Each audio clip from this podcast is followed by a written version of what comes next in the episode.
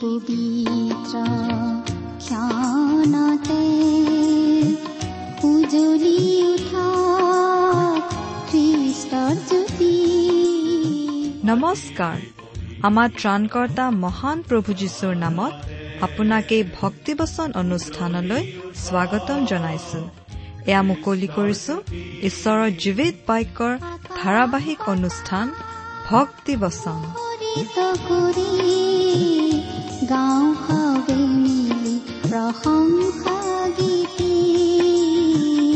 গাঁও হাৱে মিলি প্ৰশংসা গীতি আজিৰে পবিত্ৰ ক্ষণতে উজলি উঠা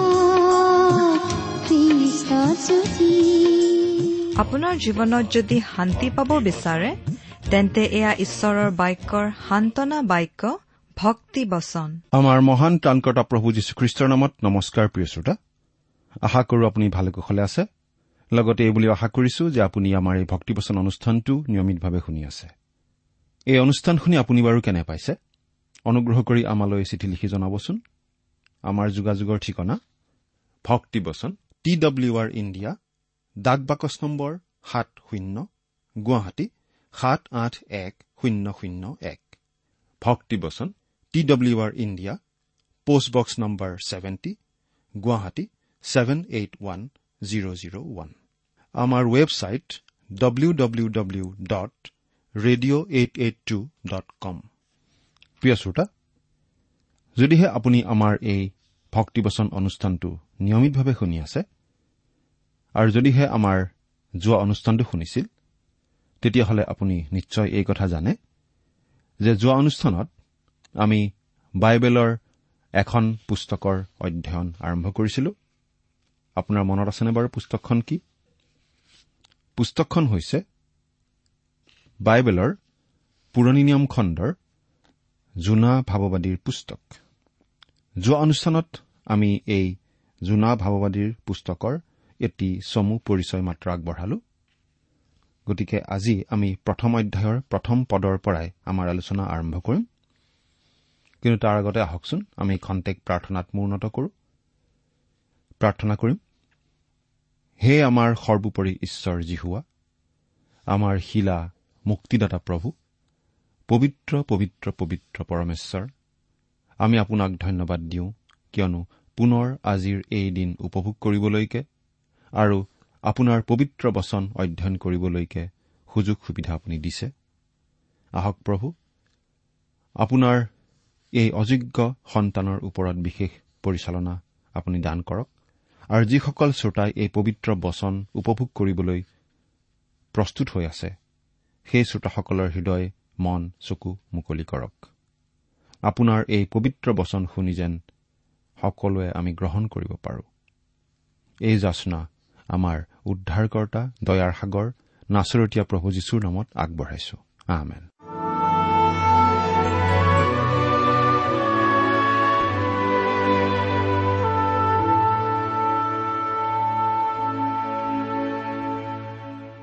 প্ৰিয় শ্ৰোতা এতিয়া আমি জোনা ভাৱবাদীৰ পুস্তকৰ এক নম্বৰ অধ্যায়ৰ পৰা এফালৰ পৰা চাই যাম। প্ৰথমতে আমি পাঠ কৰি দিম। এক নম্বৰ অধ্যায়ৰ এক নম্বৰ পদ। আপোনাৰ লগত যদিহে বাইবেল আছে অনুগ্ৰহ কৰি চাই যাব। আৰু যদিহে বাইবেল নাই অনুগ্ৰহ কৰি মন দি শুনিব। প্ৰথম পদটো তেনেদৰে লিখা আছে অমিত্যয়ৰ পুত্ৰ জোনালৈ জিহুৱাৰ বাক্য আহিল বোলে আমাৰ বাবে জোনা এজন ভাৱবাদীৰ নিচিনা। আৰু অমিত্যয়ৰ পুত্ৰৰ নিচিনা। জোনা যে এজন ঐতিহাসিক বাস্তৱ ব্যক্তি তাৰ প্ৰমাণ পাতনিতে সম্পূৰ্ণকৈ আমাক দি দিয়া হৈছে। দুই নম্বৰ পদ তুমি উঠা। মহানগৰ নিনবিলৈ গৈ তাৰ বিৰুদ্ধে প্ৰচাৰ কৰা। কিয়নো সিহঁতৰ দুষ্টতা মূৰ গুৰি পালেহি। এয়া জোনালৈ ঈশ্বৰৰ পৰা এটা আহান আৰু আদেশ আহিছে নিনবিলৈ যাবলৈ। নিনবীৰ নগৰখনক কোৱা হৈছে মহানগৰ বুলি। এই নগৰখন ওচৰীয়া ৰজাৰ ৰাজধানী আৰু টাইগ্ৰিছ নদীৰ কাষত অৱস্থিত আছিল। সেই সময়ত এই নগৰখনেই গোটেই জগতখনৰ এক শক্তিশালী অৱস্থান আছিল। পাছত আমি এইখন নগৰৰ পৰিমাণৰ সৈতে আলোচনা কৰিম। কাৰণ এই পুস্তকখনত দুইবাৰতকৈও অধিকবাৰ জোৰকৈ সমালোচনা কৰা হৈছে। প্ৰকৃততে ইয়াত দুষ্টালী নগৰৰ ওপৰত বিশেষ সমালোচনা কৰা হৈছে। এই নগৰখন আছিল এক মহানগৰ কিন্তু দুষ্টালিতহে এই নগৰখন মহান আছিল। এই দুষ্টালি ইমান বেছি আছিল যে সেই দুষ্টালি গৈ একেবাৰে ঈশ্বৰৰ গুৰি পাইছিলগৈ। আৰু এতিয়া ঈশ্বৰে নিৰ্ণয় কৰিলে যে এই নগৰখনৰ সোধ বিচাৰ কৰা হ'ব। আৰু যদিহে নগৰখন ঈশ্বৰলৈ নুঘূৰে মন পালটন নকৰে তেতিয়াহ'লে সুদবিচাৰ কৰা হ'ব। কিন্তু জোনাই জিহুৱাৰ সন্মুখৰ পৰা টৰ্চিছলৈ পলাই যাবৰ নিমিত্তে উঠি জাফুলৈ নামি গৈ টৰ্চিছলৈ যোৱা এখন জাহাজ পালে। তাতে তেওঁ তাৰ কেৰেয়া দি জিহুৱাৰ সন্মুখৰ পৰা টৰ্চিছলৈ নাবিকবিলাকে সৈতে যাবৰ মনেৰে তাত উঠিল।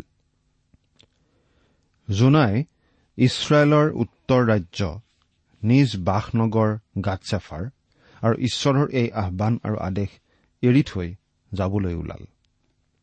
আপুনি হয়তো ভাবিব পাৰে যে তেওঁ কিজানি নিনবী নগৰলৈ মুখ কৰি যাবলৈ ওলাইছিল। জোনাই নিনবী পাবলৈ হলে ইছৰাইলৰ পূব দিশেহে যাব লাগিছিল। কিন্তু সেইফালে যোৱাৰ পৰিৱৰ্তে তেওঁ এটা আচৰিত কাৰ্যহে কৰিলে। টৰ্চিছলৈ পলাই যাবৰ বাবে জাফুলৈ নামি গৈ আৰু প্ৰথমে টৰ্চিছলৈ যোৱা জাহাজৰ টিকেট কিনিলে। টৰ্চিছ নগৰখন ফিনিকিয়াসকলৰ দ্বাৰা প্ৰতিষ্ঠা কৰা হৈছিল আৰু এইখন এখন উপকূলত থকা নগৰ আছিল। এইখন পশ্চিমৰ ফালে এৰি যোৱা ঠাই। জোনাৰ মাছৰ পেটত থকা সমস্যাতকৈ আমাৰ আগত থকা সমস্যা গুৰুতৰ। জোনা পুস্তকৰ যি সমস্যা সেই সমস্যাটো আচলতে মাছ নহয়। এই সমস্যাটো আচলতে জোনাহে।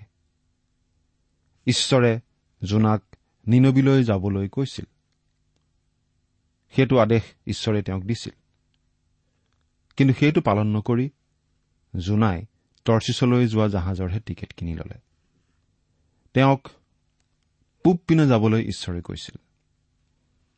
কিন্তু জোনাই ঈশ্বৰৰ আদেশ মানি নলবলৈহে সিদ্ধান্ত ললে আৰু পূবৰ পিনে নগৈ তেওঁ পশ্চিম দিশেহে গ'ল। এতিয়া স্বাভাৱিকতেই আমাৰ মনত প্ৰশ্ন উঠিব জোনাই এনে কাৰ্য কিয় কৰিলে? ইয়াৰ বহুতো কাৰণ নিশ্চয় আছে। আহক আমি কাৰণবোৰ চাওঁ হওক। প্ৰথম কাৰণ হিচাপে আমি ক'ব পাৰোঁ জোনাই সেই নিনবীবাসীক ঘীন কৰিছিল আৰু সেই নিনবীবাসীৰ লোকসকল ৰক্ষা পোৱাটো তেওঁৰ ইচ্ছা নাছিল। আৰু তেওঁ যথেষ্ট ঘীন কৰা কাৰণেই তেওঁ সেই নিনবীবাসীৰ আগত সেই উদ্ধাৰৰ বাৰ্তা জনাবলৈ ইচ্ছা কৰা নাছিল। প্ৰাচীন জগতত ওচৰীয়াবিলাক আটাইতকৈ নিষ্ঠুৰ জাতি আছিল। সেই কালত আটাই মানুহবিলাকে সেই ওচৰীয়াবিলাকলৈ ভয় আশংকা কৰিছিল।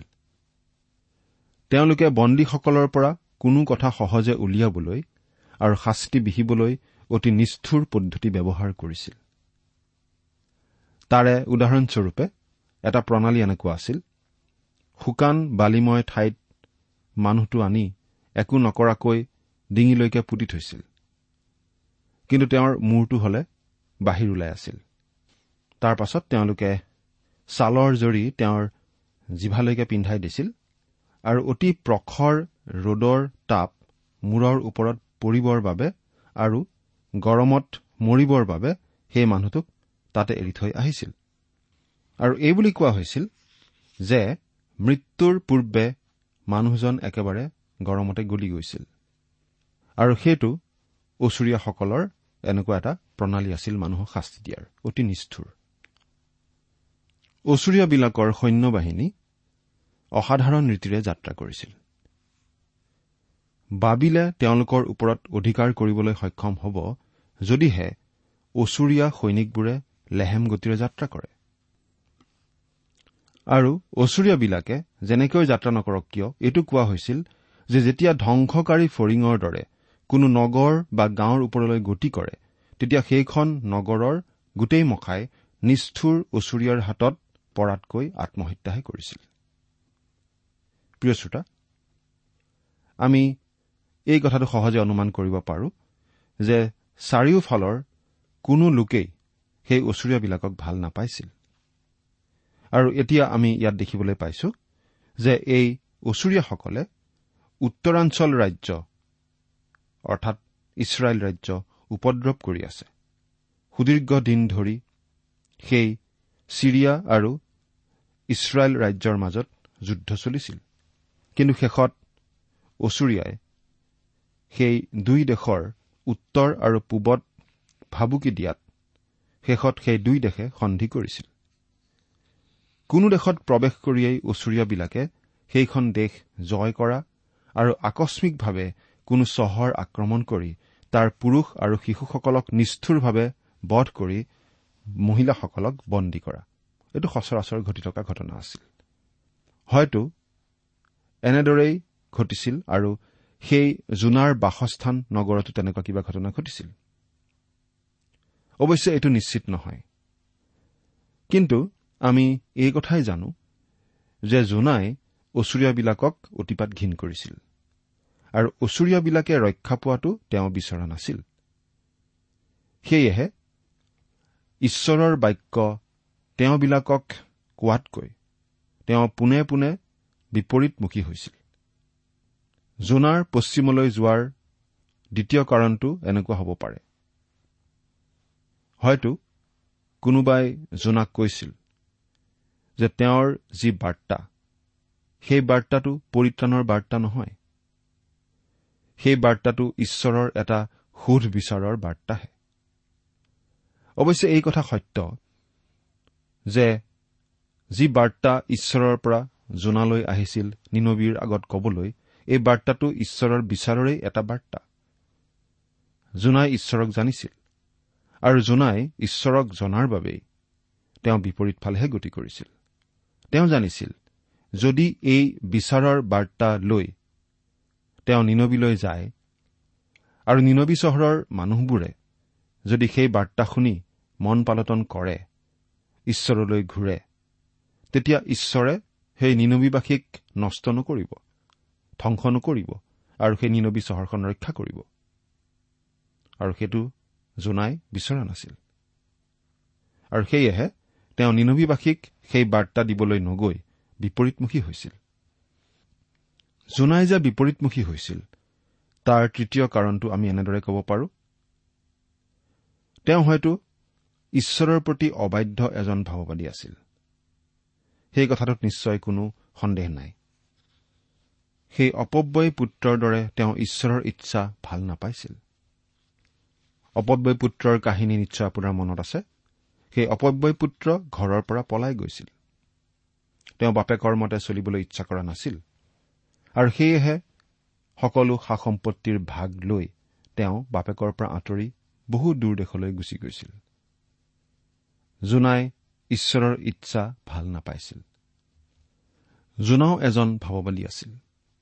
আৰু সেয়েহে ঈশ্বৰৰ সৈতে তেওঁ নিশ্চিতভাৱে লগ লাগি থাকিব লাগিছিল। কিন্তু তেওঁ ঈশ্বৰৰ অবাধ্য হৈ বিপৰীতমুখে গতি কৰিছিল।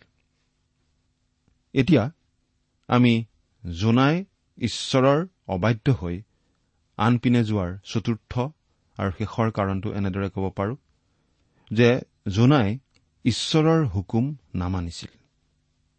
প্ৰিয় শ্ৰোতা আপুনি কেতিয়াবা লক্ষ্য কৰিছিলনে? যে পুৰণি নিয়মত ঈশ্বৰে তেওঁৰ বাৰ্তাবাহকক অন্য দেশলৈ প্ৰচাৰ কৰিবলৈ কবৰ দৰে কেতিয়াও পঠোৱা নাছিল? পুৰণি নিয়মত ঈশ্বৰে যি পদ্ধতি ব্যৱহাৰ কৰিছিল সেইটো সঁচাকৈয়ে আজিৰ তেওঁৰ পদ্ধতিৰ বিপৰীত। ইছৰাইলে ঈশ্বৰক পৰিচৰ্যা কৰি এক জাতিস্বৰূপে আৰাধনা কৰিব লাগিছিল। আৰু তেওঁলোক আছিল পৃথিৱীৰ এটা মধ্যপথ সংযুক্ত স্থানত অৱস্থিত য'ত পৃথিৱীৰ চাৰিওফালৰ মানুহবোৰ আহি একেলগে গোট খোৱাৰ সুবিধা আছিল।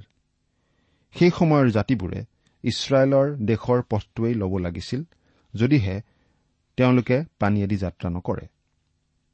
ইছৰাইলৰ লোকসকলক ঈশ্বৰে সেই মধ্যপথ সংযুক্ত পাৰত থৈছিল আৰু তেওঁলোকে ঈশ্বৰক আৰাধনা কৰিবৰ অৰ্থে এটা মন্দিৰ নিৰ্মাণ কৰি তেওঁৰ পৰিচৰ্যা কৰাৰ দ্বাৰা ঈশ্বৰৰ যাতে সাক্ষী হয় সেইটো ঈশ্বৰে বিচাৰিছিল। তেওঁলোকলৈ চাই থকা এই পৃথিৱীৰ লোকসকলৰ বাবে সেই ইছৰাইলীয় লোকসকল ঈশ্বৰৰ বাবে সাক্ষী হ'ব লাগিছিল। ঈশ্বৰে তেওঁলোকৰ পৰা সেইটো বিচাৰিছিল। আৰু সেই সময়ত নিমন্ত্ৰণটো আছিল এনেকুৱা ধৰণৰ। আহা আৰু বোলা আমি প্ৰভুৰ গৃহলৈ উঠি যাওঁ হওক আৰু তেওঁৰে আৰাধনা কৰো হওক। সেই পৃথিৱীৰ সংযুক্ত পথত থাকি ইছৰাইল জাতিয়ে ঈশ্বৰক পৰিচৰ্যা কৰাৰ দ্বাৰা সকলো জাতিৰ বাবেই সাক্ষী হ'ব লাগিছিল আৰু পৃথিৱীৰ লোকসকলে তেওঁলোকৰ দ্বাৰা ঈশ্বৰক যাতে চিনি পায় জানিব পাৰে সেইটো ঈশ্বৰে বিচাৰিছিল। উদাহৰণস্বৰূপে ছেবাৰ ৰাণীয়ে পৃথিৱীৰ অন্তভাগৰ পৰা ইছৰাইল দেশলৈ আহিছিল। সেই ৰাণী কিয় আহিছিল? তেওঁ নিশ্চয় শুনিছিল ইছৰাইলৰ লোকসকলে কেনেকৈ আৰাধনা কৰে সেই কথা। আৰু যেতিয়া ৰাণী আহি সেই ঠাইখন পালে আৰু দেখিলে যে তাত পাপীৰ বাবে বেদী আছে। আৰু সেইটোৱেই সেই ৰাণীক লৈ আহি ঈশ্বৰৰ জ্ঞান উপাৰ্জন কৰিছিল। যদিহে আমি গোটেই ইতিহাস পুস্তক পঢ়ো তাত দেখিবলৈ পাম যে অকল সেই ৰাণী অকলে অহা নাছিল কিন্তু পৃথিৱীৰ বিভিন্ন দেশৰ ৰজাসকলেও চলোমন ৰজাৰ জ্ঞানৰ কথা শুনিবলৈ আহিছিল। সেই কম সময়ৰ ভিতৰতে ইছৰাইলে গোটেই জগতৰ আগত সাক্ষ্য দিছিল। তেওঁলোকে নিজৰ দেশৰ পৰা বাহিৰলৈ ওলাই গৈ প্ৰচাৰকসকলৰ দৰে সাক্ষ্য দিয়া নাছিল। কিন্তু গোটেই জগতখনেই তেওঁলোকলৈ অহাৰ দ্বাৰাহে তেওঁলোকৰ পৰা সেই সাক্ষ্য শুনিছিল। পুৰণি নিয়মৰ ছেবাৰ ৰাণীৰ বিষয়েহে উদাহৰণ দিয়া হ'ল। তেনেকৈ নতুন নিয়মতো হাম জেফত আৰু চেমৰ পুত্ৰবিলাকৰ উদাহৰণ আছে যিসকলে টৰ্চিছৰ চৌলক ৰমিঅ' সেনাৰ এশৰ সেনাপতিক খ্ৰীষ্টলৈ আনিছিল। মুঠতে পুৰণি নিয়মৰ দিনৰ যিটো পদ্ধতি ঈশ্বৰে দিছিল সেই পদ্ধতিটো নতুন নিয়মৰ খ্ৰীষ্টীয় মণ্ডলীৰ ক্ষেত্ৰত দিয়া পদ্ধতিতকৈ বেলেগ আছিল। সম্পূৰ্ণ বিপৰীত আছিল। পুৰণি নিয়মৰ দিনত বিভিন্ন জাতিসমূহ সেই ইছৰাইল দেশলৈ আহি ঈশ্বৰৰ সাক্ষ্য তেওঁলোকৰ পৰা পাব লাগিছিল। কিন্তু নতুন নিয়মত খ্ৰীষ্টীয় বিশ্বাসীসকলে খ্ৰীষ্টৰ বাৰ্তা খ্ৰীষ্টৰ শুভবাৰ্তা পৃথিৱীৰ চাৰিওপিনে বিয়পাই দিবলৈ খ্ৰীষ্টৰ পৰা আজ্ঞা পাইছে। মাৰ্কে লিখা শুভবাৰ্তা ষোল্ল নম্বৰ অধ্যায়ৰ পোন্ধৰ নম্বৰ পদত প্ৰভু যীশুৱে শিষ্যসকলক এনেদৰে কৈছিল তোমালোকে জগতৰ গোটেইখনলৈ গৈ সমুদায় সৃষ্টিৰ আগত শুভবাৰ্তা প্ৰচাৰ কৰা। শিষ্যসকলে হয়তো প্ৰভু যীশুৰ সেই আজ্ঞাটো যেতিয়া শুনিছিল তেতিয়া আমাৰ এনেকুৱা ধাৰণা হয় ইজনে সিজনলৈ তেওঁলোকে হয়তো চাইছিল আৰু কৈছিল এইটো দেখোন কিবা সম্পূৰ্ণ নতুন নতুন ধৰণৰ আজ্ঞা। আমি নাজানো এইদৰে যে কৰা হৈছিল। জিৰচালেমলৈ উঠি অহা এইটো কোৱাৰ পৰিৱৰ্তে প্ৰভু যীশুৱে কৈছিল জিৰচালেম আদি কৰি গোটেই জিহুদীয়া আৰু চমৰীয়া দেশত আৰু পৃথিৱীৰ সীমালৈকে তোমালোক যোৱা। পাচনিৰ কৰ্ম এক নম্বৰ অধ্যায়ৰ আঠ নম্বৰ পদত আপুনি যদি চাই এনেদৰে দেখিবলৈ পাব। আৰু সেইটোৱেই হৈছে প্ৰভু যীশুৱে দিয়া আজিৰ বাবে পদ্ধতি। নতুন নিয়মৰ এইটোৱেই পদ্ধতি। আমি ইছৰাইলৰ অকৃতজ্ঞতাৰ বিষয়ে সমালোচনা কৰো। কিন্তু পৃথিৱীলৈ আমি ওলাই যোৱাৰ পৰিৱৰ্তে চুকত গীৰ্জাঘৰ সাজি আমি পৃথিৱীৰ লোকসকল আমালৈ অহাটোহে আজি আশা কৰি বহি আছো। জানেনে প্ৰিয় শ্ৰোতা?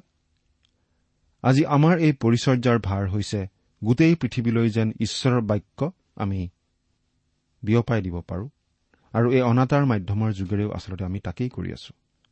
আমি বিশ্বাস কৰোঁ যে এইটোৱেই বৰ্তমানৰ বাবে ঈশ্বৰৰ পদ্ধতি। কিন্তু সেই পদ্ধতি জোনাৰ দিনত নাছিল।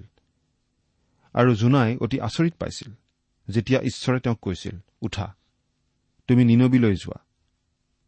আমি ভাবো যে জোনায়ো চিমন পিতৰৰ দৰে এক ধৰণৰ লোক আছিল আৰু সম্ভৱতঃ প্ৰভুলৈ তেওঁ উভোতাই কথা কৈছিল। আমি ভাবো তেওঁ সম্ভৱতঃ প্ৰভুৰ সেই আজ্ঞা পাই এনেদৰে কৈছিল ৰব আপুনি কেতিয়াও এলিয়াক আন দেশলৈ পঠোৱা নাই বা ইলিচাক বেলেগ দেশলৈ পঠোৱা নাই?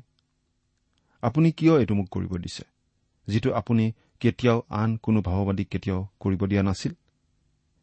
প্ৰিয় শ্ৰোতা হয়তো জোনাই তেনেদৰে ঈশ্বৰৰ কথা শুনি উত্তৰ দিছিল। আৰু জোনাৰ কথা ভাবি আমাৰ মনত নিশ্চয় পুতৌ জন্মিছে। তেওঁ বুজি পোৱা নাছিল ঈশ্বৰে নিজৰ পদ্ধতি কিয় সলনি কৰিছে। যেনেকৈ নহওক কিয় এই পুস্তকখনে প্ৰকাশ কৰিছে যে ঈশ্বৰ পৰজাতিবিলাকৰো ঈশ্বৰ। পাচনি পৌলে ৰমিয়া তিনি নম্বৰ অধ্যায়ৰ ঊনত্ৰিশ নম্বৰ পদত এইদৰে কৈছে ঈশ্বৰ অকল যিহুদীবিলাকৰ ঈশ্বৰ নে?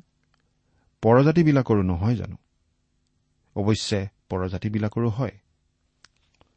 জোনাই এই কথা বুজি পোৱা নাছিল আৰু সেয়েহে তেওঁ ঈশ্বৰৰ কথা প্ৰথমতে মানি লোৱা নাছিল। কিন্তু পিছলৈ যিবোৰ অভিজ্ঞতা তেওঁৰ হ'ল তাৰ পিছত তেওঁ নিশ্চয় অনুভৱ কৰিলে যে ঈশ্বৰ অৱশ্যেই পৰজাতিবিলাকৰো ঈশ্বৰ। এতিয়া তিনি নম্বৰ পদটো আকৌ চাওঁ হওক। আৰু জোনাই জিহুৱাৰ সন্মুখৰ পৰা টৰ্চিছলৈ পলাই যাবৰ নিমিত্তে উঠি জাফুলৈ নামি গৈ টৰ্চিছলৈ যোৱা এখন জাহাজ পালে। তাতে তেওঁ তাৰ কেৰেয়া দি জিহুৱাৰ সন্মুখৰ পৰা নাবিকবিলাকে সৈতে যাবৰ মনেৰে তাত উঠিল। জোনাৰ অভিজ্ঞতা আপোনাৰ বাবে সহায়ক হ'ব যদিহে আপুনি কঠিন সময় অতিবাহিত কৰি আছে আৰু আশ্চৰ্যজনক জীৱন নিৰ্বাহ কৰি আছে। আপুনি ঈশ্বৰৰ ইচ্ছাত চলি আছে নে নাই সেইটো আমি ক'ব নোৱাৰো। কিন্তু আপোনাক এটা কথা হলে আমি ক'ব পাৰো। কি কথা বাৰু? আমি মনত ৰখা উচিত যে আপুনি যদি কঠিন পৰিস্থিতিত আছে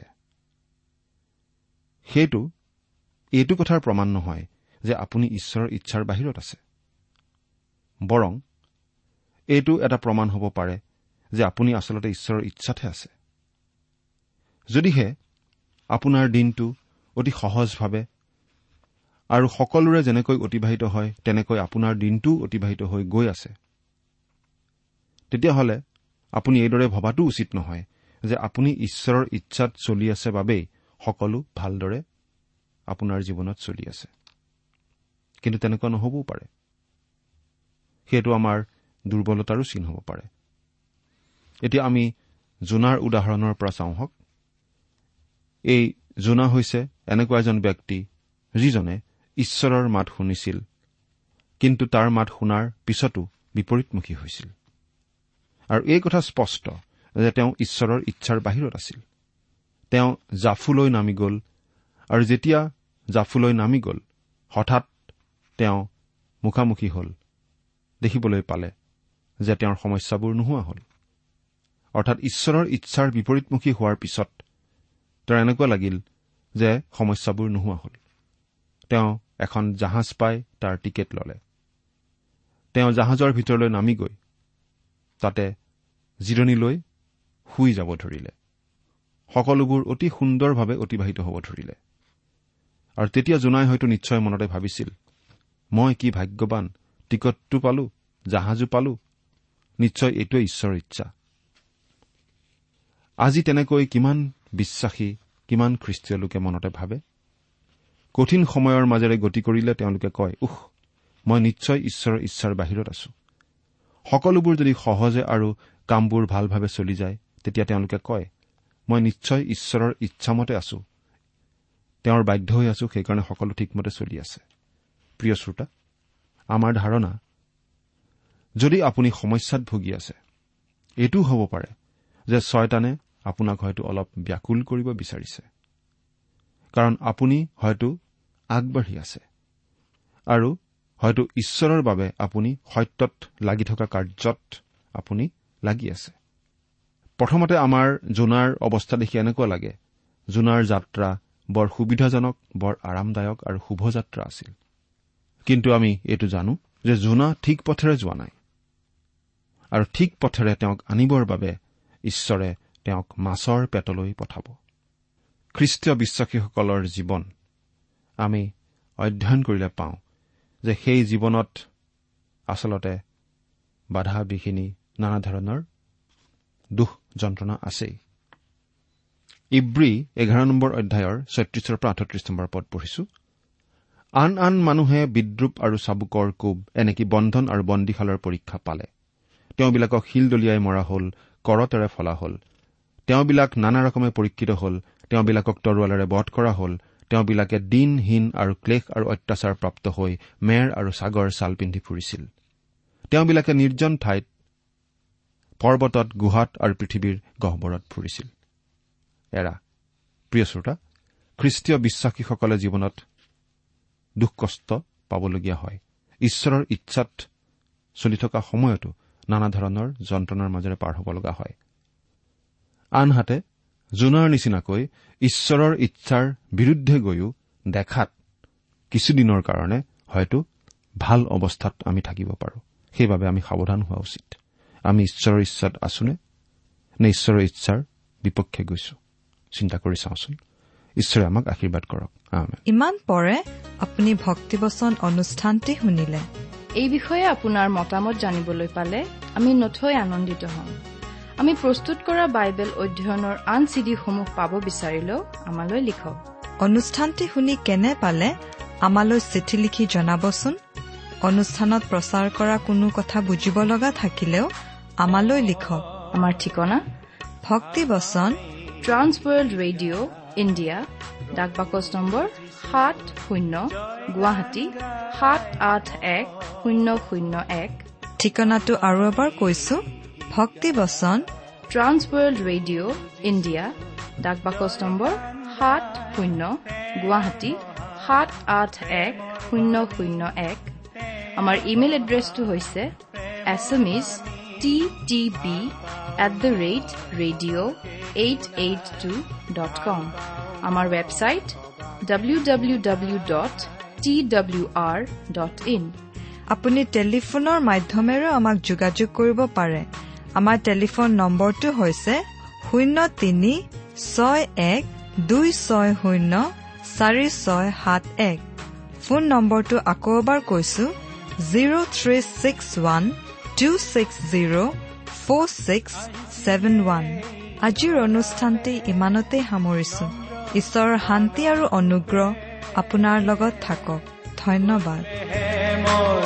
গোহালি ঘৰত তেওঁ জনম ধৰিলে আহিছিলে ধৰালে নম্ৰ মানৱ ৰূপে গোহালি ঘৰত তেওঁ জনম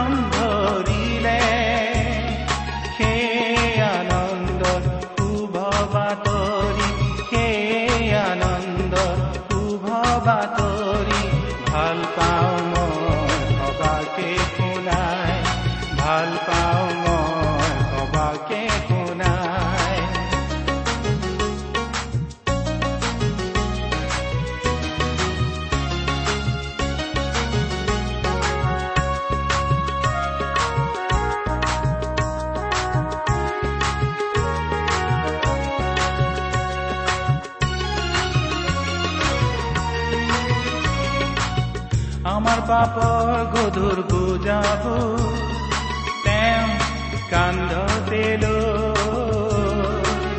কুশৰ ওপৰত প্ৰাণৰ পিলে আমাৰ জীৱন দিবলৈ আমাৰ পাপৰ গধুৰ বুজাব তেওঁ কান্ধতে